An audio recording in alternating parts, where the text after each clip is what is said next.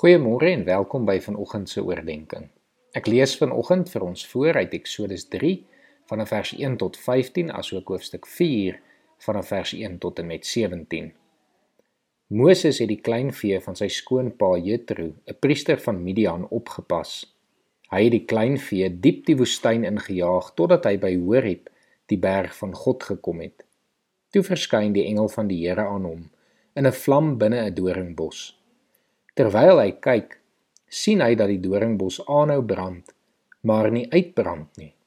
En Moses sê vir homself: Ek wil tog 'n bietjie nader gaan om hierdie wonderlike verskynsel te bekyk. Waarom brand die doringbos dan nie uit nie?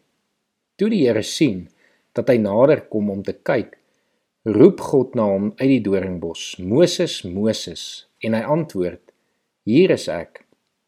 Die Here sê toe vir hom: Moenie nog nader kom nie. Trek uit jou skoene, want die plek waarop jy staan is gewyde grond. Verder sê hy: Ek is die God van jou voorvaders, die God van Abraham, die God van Isak en die God van Jakob. Toe maak Moses sy gesig toe, want hy was bang om na God te kyk. Daarna sê die Here: Ek het die ellende van my volk in Egipte duidelik gesien en hulle noodkrete oor die slawedrywers gehoor. Ek het hulle lyding ter harte geneem. Daarom het ek afgekom om hulle uit die mag van Egipte te bevry en om hulle daarvandaan te laat trek na 'n goeie en uitgestrekte land, 'n land wat oorloop van melk en honing. Dit is die land van die Kanaaniete. Die noodkrete van die Israeliete het my bereik en ek het aanskou hoe Egipte hulle verdruk.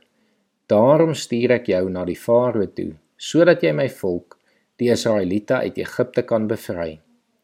Toe sê Moses vir God: Wie is ek dat ek dit by die Farao sou waag en dat ek die Israeliete uit Egipte sou bevry? God het Moses geantwoord: Ek sal by jou wees en die bewys dat ek jou gestuur het, sal dit wees: Wanneer jy die volk uit Egipte bevry het, sal julle by my by hierdie berg aanbid. Daarna sê Moses vir God: Sê nou maar ek kom by die Israeliete en ek sê vir hulle: Die God van julle voorvaders het my na julle toe gestuur en hulle vra vir my: Wat is sy naam? Wat moet ek dan vir hulle sê? Toe sê God vir Moses: Ek is wat ek is. Jy moet vir die Israeliete sê: Ek is het my na julle toe gestuur. Verder sê God vir Moses: Jy moet ook nog vir die Israeliete sê: Die Here, die God van julle voorvaders, het my na julle toe gestuur. Dit is ewig my naam, dit is die naam waarmee ek aangeroep moet word van geslag tot geslag. Gaan roep nou die leiers van Israel bymekaar en sê vir hulle: Die Here, die God van julle voorvaders, het aan my verskyn en gesê: Ek weet van julle. Hoofstuk 4 vers 1: Maar toe sê Moses: Sê nou die Israeliete glo my nie en hulle luister nie na my nie en hulle sê die Here het nie aan my verskyn nie. Toe vra die Here vir hom: "Wat het jy in jou hand?" "’n Kierie," antwoord Moses. "Gooi die kierie op die grond," sê die Here vir hom. Toe hy dit op die grond gooi, word dit 'n slang en Moses het daarvoor pad gegee. Die Here sê toe vir Moses: "Steek jou hand uit en gryp hom aan sy stert." Moses steek sy hand uit en gryp hom en skielik word dit weer 'n kierie in sy hand. Toe sê die Here: Op grond hiervan sal hulle glo dat die Here, die God van hulle voorvaders, die God van Abraham, Isak en Jakob aan jou verskyn het. Steek nou jou hand in die vou van jou klere. Hy steek toe sy hand in en toe hy dit uittrek, was dit melaats, so wit soos sneeu. Hierna sê die Here: Steek nou weer jou hand in jou klere. Hy steek toe weer sy hand in en toe hy dit uittrek, was dit gesond. Toe sê die Here: as hulle jou na die eerste wonderwerk nie geglo het nie en hulle nie daaraan gesteer het nie, behoort hulle jou na hierdie een wel te glo. As hulle jou na hierdie twee wonderwerke nog nie glo nie en nie na jou luister nie, moet jy van die Nyl se water vat en op die grond uitgooi. Die water wat jy in die Nyl gevat het, sal dan op die grond bloed word. Toe sê Moses vir die Here: Ag Here, ek kan nie goed praat nie. Ek kon nie vroeër nie en ek kan ook nie nou nie. Hier waar U met my praat, ek praat swaar en my tong sukkel.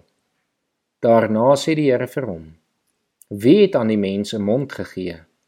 Wie maak stom of doof of siende of blind? Is dit nie ek, die Here nie? Gaan nou. Ek sal jou help met die praat en jou leer wat jy moet sê.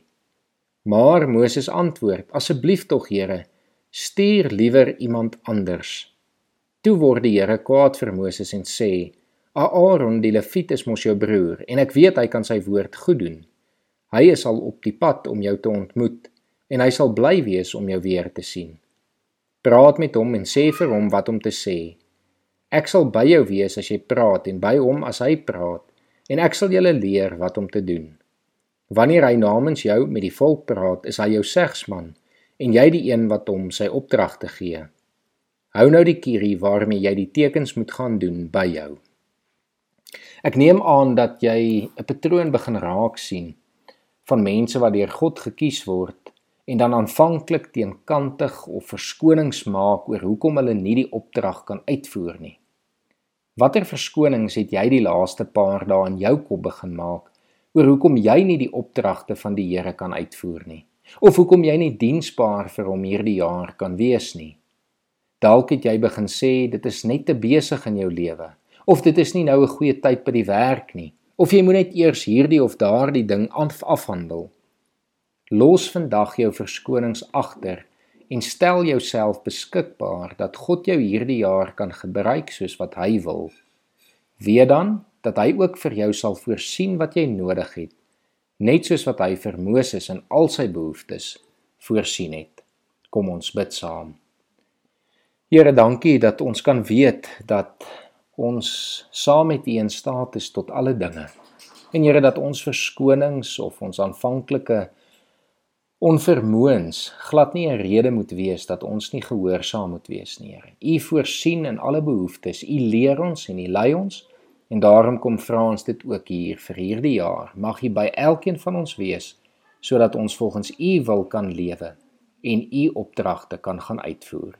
Amen.